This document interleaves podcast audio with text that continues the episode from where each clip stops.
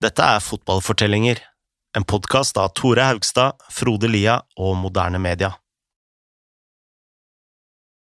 Om noen av Aberdeens spillere trodde de kunne slappe av etter triumfen i cupvinnercupen, så tok de feil. Kun ti dager senere skulle Alex Ferguson gi dem et skikkelig spark i ræva, og de neste månedene gjorde han alt for å holde stallen på tå hev. De hadde nemlig ikke vunnet ligaen på tre år. Det ville Ferguson gjøre noe med.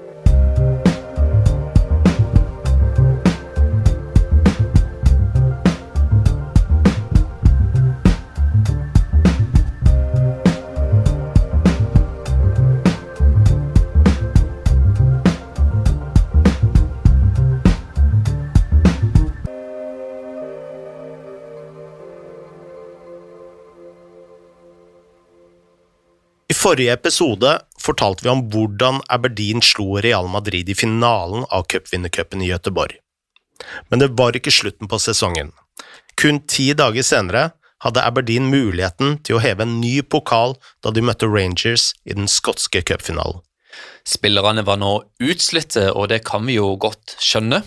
De hadde festa vilt etter kampen i Gøteborg, og nå skulle de attpåtil spille en finale som betydde mindre enn den de nettopp hadde vunnet. Så de var egentlig veldig dyktige som klarte å hale i land en 1-0-seier etter ekstraomganger. Ferguson han burde vært fornøyd, men like etter kampen så ga han et intervju direkte på TV hvor han slakta omtrent hele laget. The luckiest team in the world. They were a disgrace of performance. Were you surprised by the way that Rangers Mc- played? Nolan McLeish won a cup for Aberdeen. Nolan, Nolan McLeish played Rangers themselves. A disgrace of performance. I'm okay in winning cups, doesn't matter.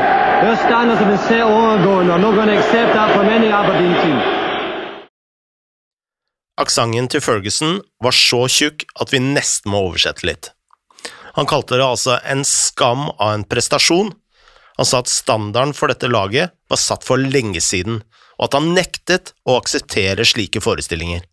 Senere fortsatte Ferguson kritikken i garderoben foran en gruppe spillere som rett og slett nekta å tro det de hørte. De hadde jo akkurat vunnet to titler på ti dager. Mange har siden spurt seg følgende spørsmål. Hva var det egentlig Ferguson tenkte her? La oss høre fra Michael Grant. It was genuine in terms of his anger at the performance. Um, I think he quickly regretted it. Um, they were taken to extra time by a Rangers side that you would normally have expected them to beat.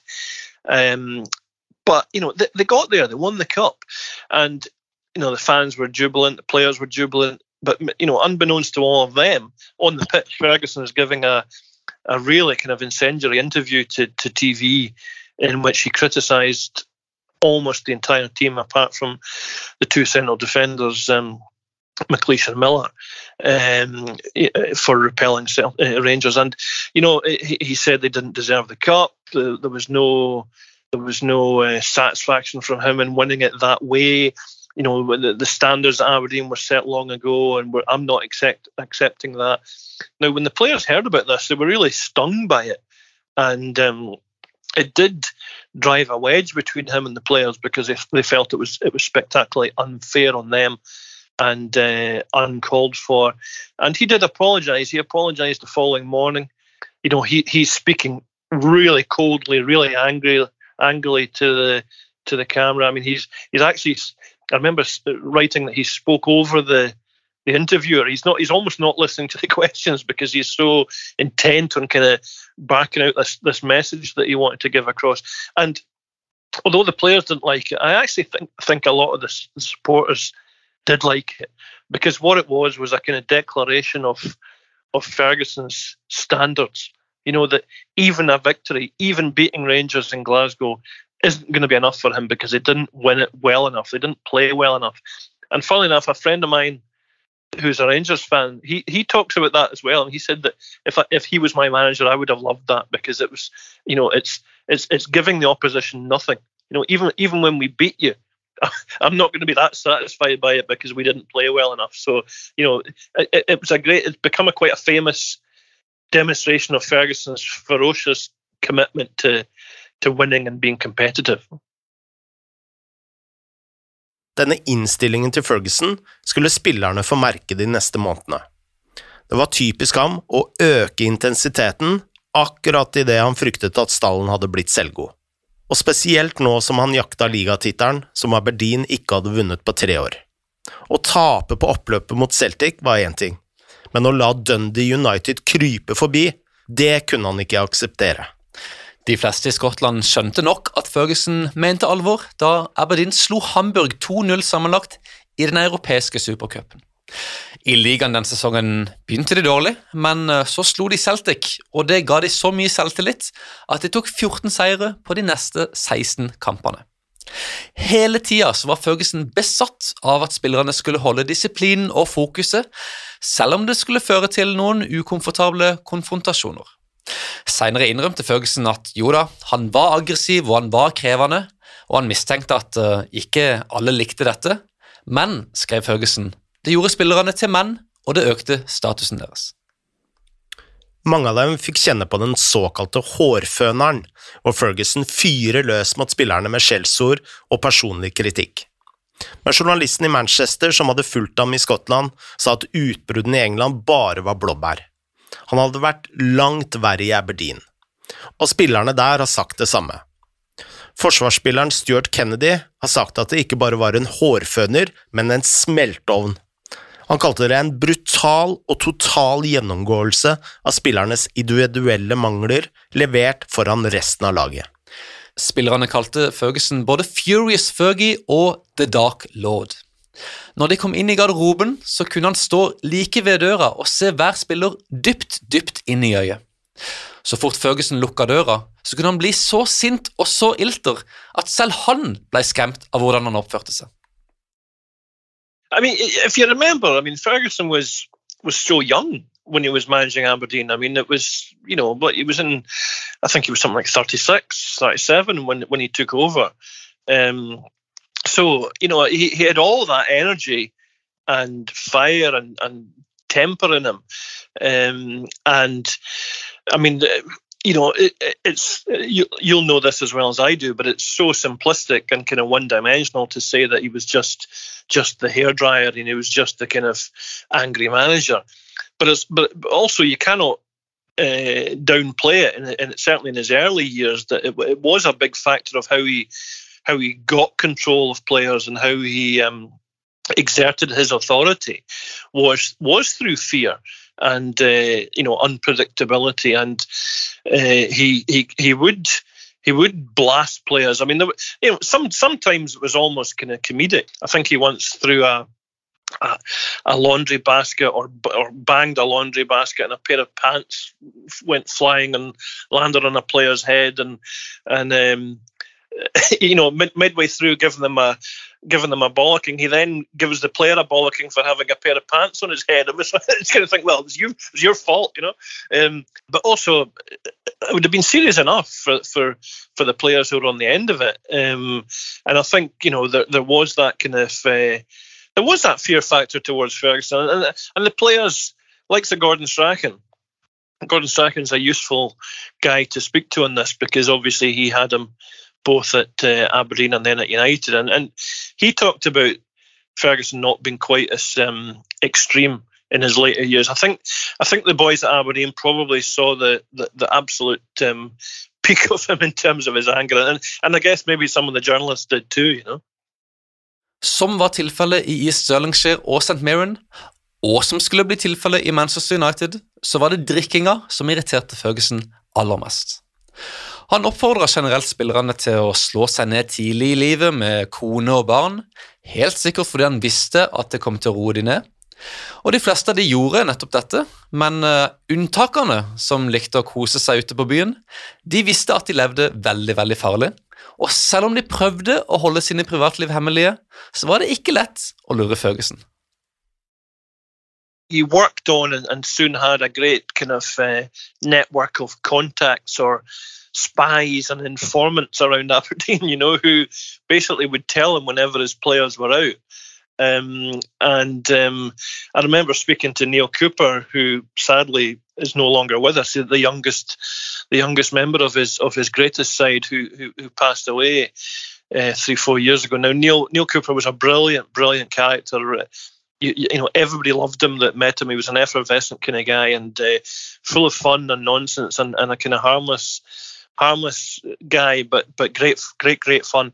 And um, I mean, Cooper used to love going on nights out in Aberdeen, and it became a kind of cat and mouse game between him and Ferguson in terms of how, how much could he get away with before Ferguson realised he'd been out. I mean, Ferguson used to drive around um, outside the players' houses to see if the lights were on and see if the, the, the, car was there and all that sort of stuff. And you know, as I say, he had a kind of network of of pub owners and um, and uh, bar staff and things like that who would say, "Oh, by the way, Neil Cooper was in, or or uh, Mark McGee was in, or Gordon Strachan was in, uh, and and he would then you know exact his revenge in in, in training the, the following day.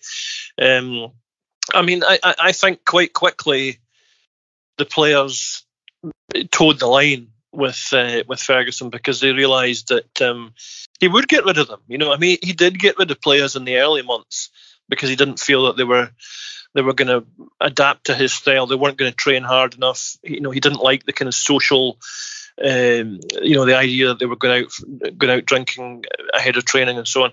And um, it, it, it, was similar to what he did at United. I mean, I, I don't think the drinking culture was quite as uh, embedded at Aberdeen as it was at United when obviously got rid of Whiteside and McGrath and uh, you know told Robson to, to, toe the line, sort of thing. But but there were there were echoes of it at Aberdeen as well. Cooper har fortalt en historie om hvor oppmerksom Ferguson kunne være. En kveld var han på bar i Aberdeen og ante fred og ingen fare. En av kameratene hans ga ham et glass Bacardi Cola, og plutselig spratt Ferguson fram bak en stolpe. Han spurte Cooper, Oi, hva er det du drikker? Cooper begynte å kaldsette og sa Og dette her, dette er bare cola, sjef. Ferguson kom nærmere og begynte å sniffe litt rundt glasset. Så sa han Jeg syns ikke dette lukter cola. Cooper begynte å stamme og kaldsvetta og Det er cola, jeg sverger på livet. Og Ferguson tok en slurk. Så dytta han fjeset helt inn mot Cooper og hviska Du er død. Og la oss eh, bare si at treningen den påfølgende mandagen ikke var særlig hyggelig mot Cooper. Det var flere ting enn bare drikkinga som kunne irritere Ferguson. Matchfinneren fra finalen mot Real Madrid, altså John Hewitt, ble i gang bøtelagt med 20 pund. Og hvorfor det? Fordi han kjørte forbi Ferguson sin bil på vei til trening. Så stort var konkurranseinstinktet til Ferguson at Strachan sa han hadde sett spillere bli solgt kun for å ha slått han i snooker. Og eh, det er egentlig vanskelig her å si om dette var en vits fra Strachan eller ikke. En annen gang, i en kamp hvor det var iskaldt og det hølja ned, så spurte Ferguson-spillerne om de ville spille med lange ermer. Da forsvarsspilleren Dog Considine sa ja takk, det høres komfortabelt ut og deilig, det, så tok Ferguson han rett ut av troppen. Hvis du var en unggutt i Aberdeensdalen, så kunne du bli straffa ved å måtte vaske Fergusons bil eller løpe rundt i skauen. Av og til tok Ferguson og assistenten ut en baseballkølle som de brukte til å dytte spillerne rundt. Assistenten Archie Knox har sagt at noen av tingene de gjorde på den tiden, ville gitt dem fengselsstraff i dag. Andre ganger brukte Ferguson sinnet som et kalkulert redskap. I en pauseprat havna han nesten i slagsmål med en spiller, for så å rolig fortsette analysen sekunder seinere. En annen spiller ble totalslakta i en pauseprat, og det virka liksom som om Føgesen aldri ville se han igjen i sitt liv. Og etter kampen så inviterte Føgesen både han og kona ut på kinesisk restaurant. Det var vanskelig å liksom vite hvor man hadde Ferguson, og uh, av og til så var egentlig hele greia bare uh, et skuespill. En gang så sa han rett ut til Miller, McLeish og Laton at han kom til å kritisere dem foran laget, og så ba han dem om å ikke si noe tilbake. Dette regimet til tross var det lite prat om misnøye blant spillerne. I hvert fall ikke så fort Aberdeen begynte å vinne titler. When I spoke to so many players for the book, one of the things that came through loud and clear was just you know for all the kind of anger and the control and the you know they all kind of joked about me could be a maniac and all the rest of it. But I think fundamentally they, they all enjoyed that period under him you know. They, they they all found it to be really exciting and stimulating and a lot of fun. You know there was a lot of laughs around the club. It wasn't you know they weren't coming in uh, cowering about Ferguson. I mean, they could have a joke with him and a laugh with him, and uh, you know, a lot. Essentially, that team stayed together for a long time.